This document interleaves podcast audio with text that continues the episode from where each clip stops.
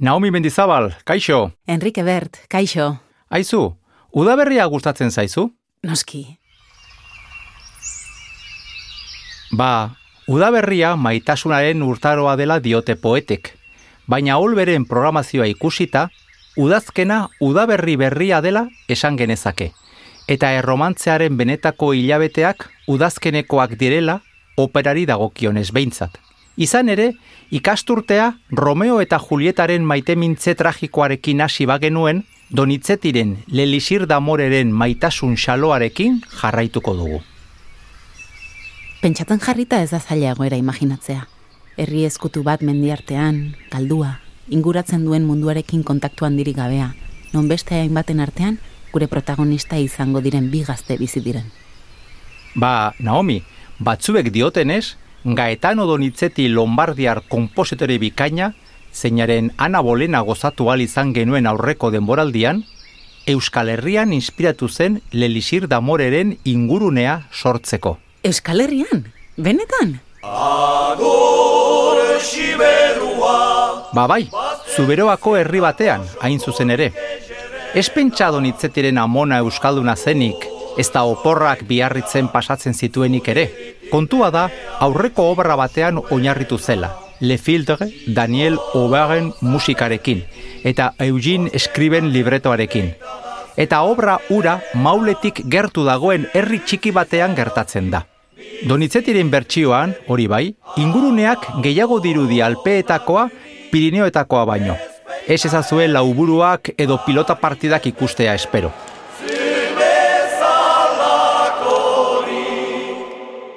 Baina, operazari gara. Euskola bela izateak edo ez izateak garrantzi gutxi du. Garrantzitsuena da landagune batean gaudela, nekasaretza gune batean. Nun denek elkar ezagutzen duten eta bakoitzari rol jakina dagokion. Gure maite minduentzako markoa, beraz, prest dago. Historia ezagutu nahi duzu? Tragikoki amaituko da Romeo eta Julietaren abezala? Edo Sandra Bullocken komedia baten moduko happy end izango alda? Jakiteko desiatzen nago. Murgildu gaitezen.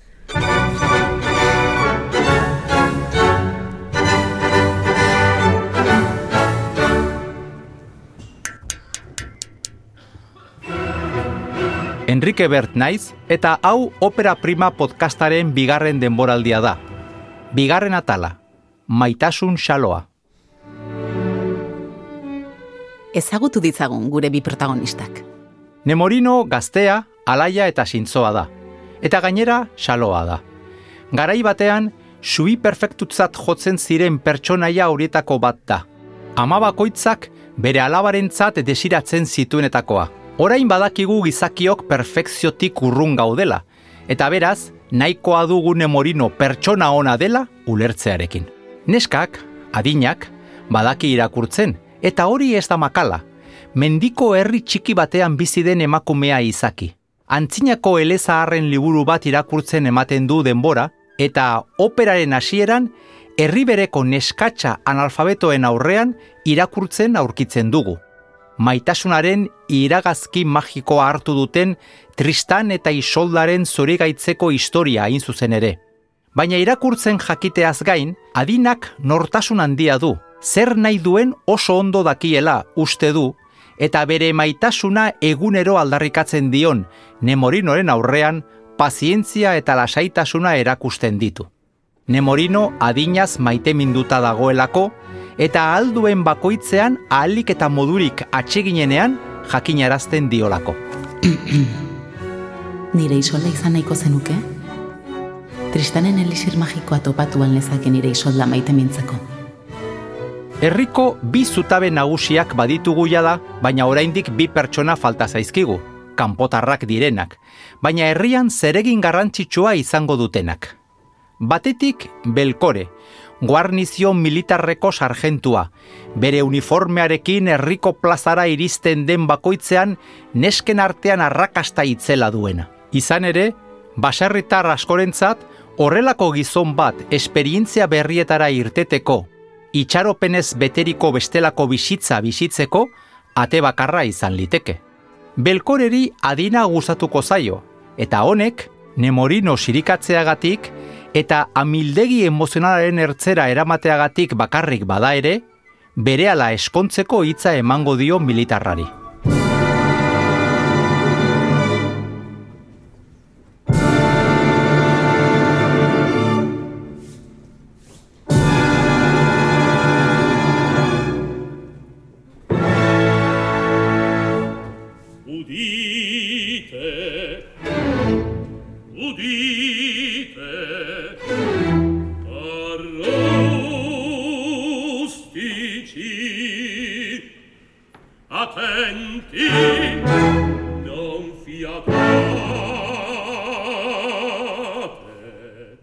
Eta dulkamara faltatzaigu.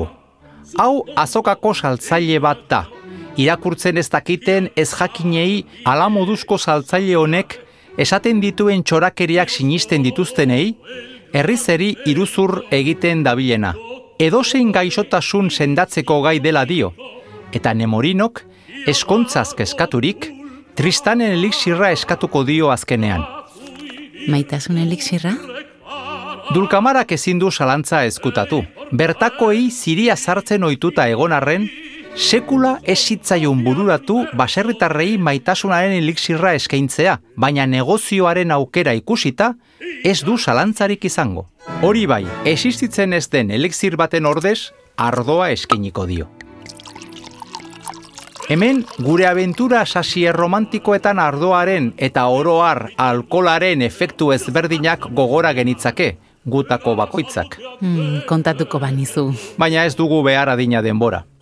Edo nola ere, Nemorino mutil formalak irrikaz eta bere bihotzeko adinaren eskontzak eskatuta, elixirra edan eta mozkorra bukatuko du.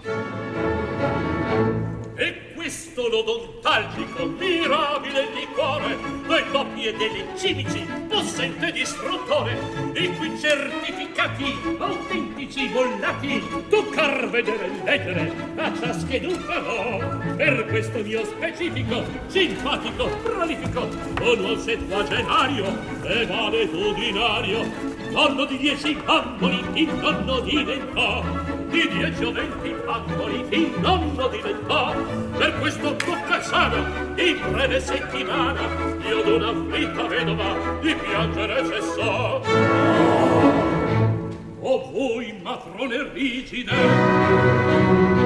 ringiovanil bramate, le vostre rughe incomode, con esso cancellate.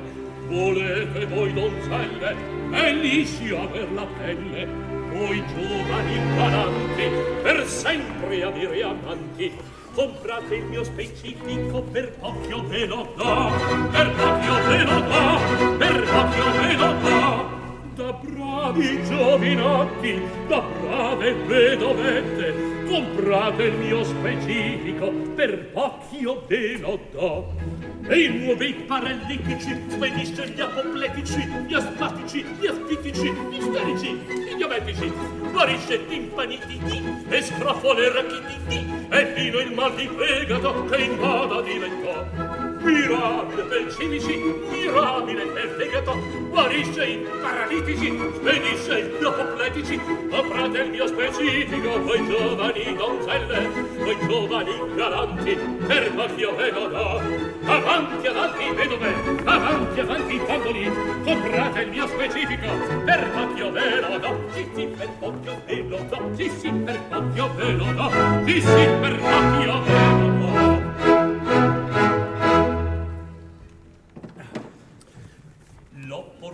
Parto per la posta da lontano mille miglia.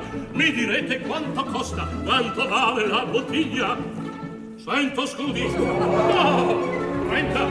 No! Venti? Nessuno si scomenti!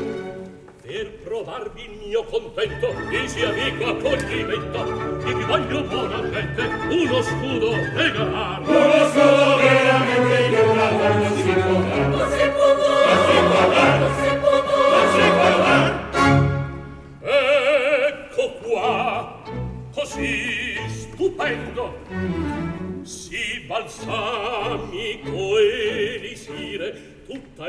ma sacchio vendo vente venti nove lire ma siccome pur palese ch'io son nato nel paese per tre lire a voi lo cedo sol tre lire a voi richiedo.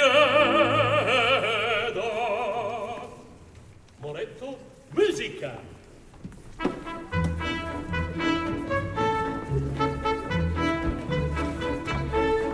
così chiaro è come il sole che a ciascuno te lo vuole uno scudo bello e netto in saccoccia pace e pan uno scudo bello e netto in saccoccia in saccoccia pace e pan in saccoccia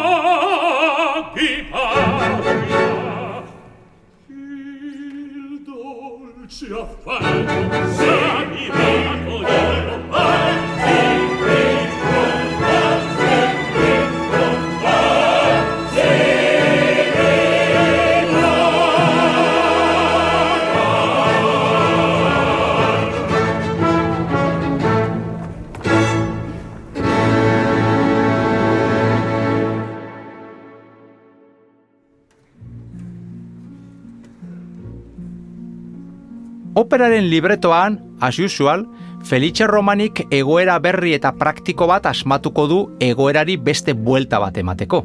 Inguruko herri batean, Nemorinoren osaba farmazeutikoa hil egin da. Gure lagunari bere ondasun guztiak erentzian utzita. Orain, Nemorino aberatsa da.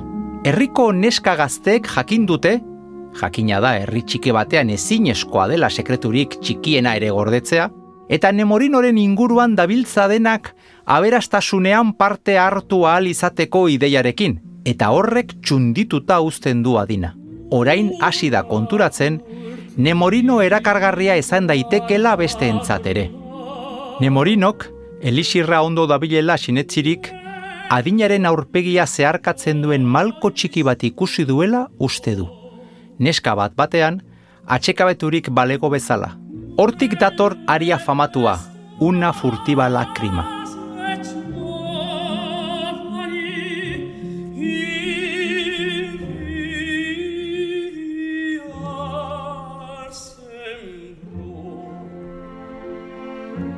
Eta adinak nemorino maite duela onartu beharko du orduan?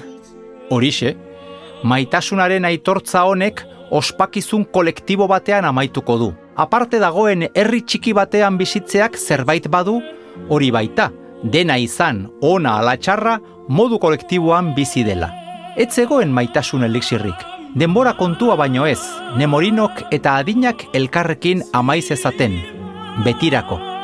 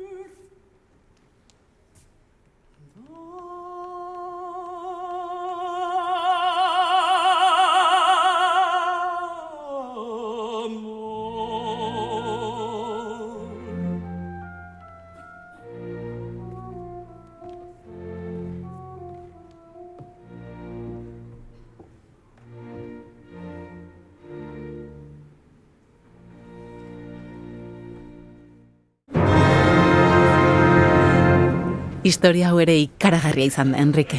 Bai, eta egon, ze urrengo atalekoak ez du inor hotz utziko. Amaitu aurretik, donitzetiren opera honen azken estena entzungo du.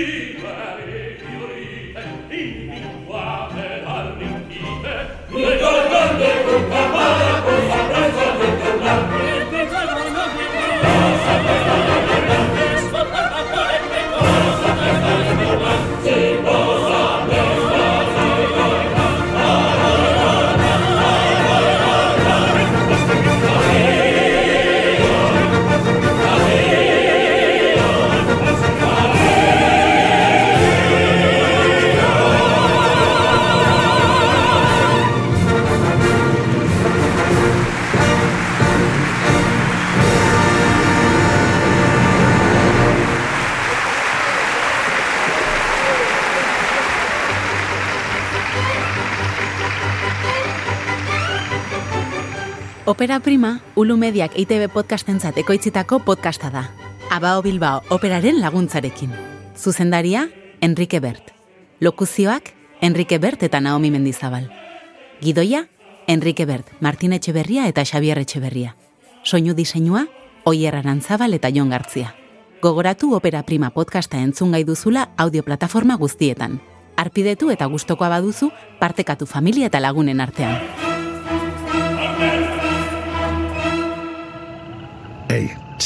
Entzun hori.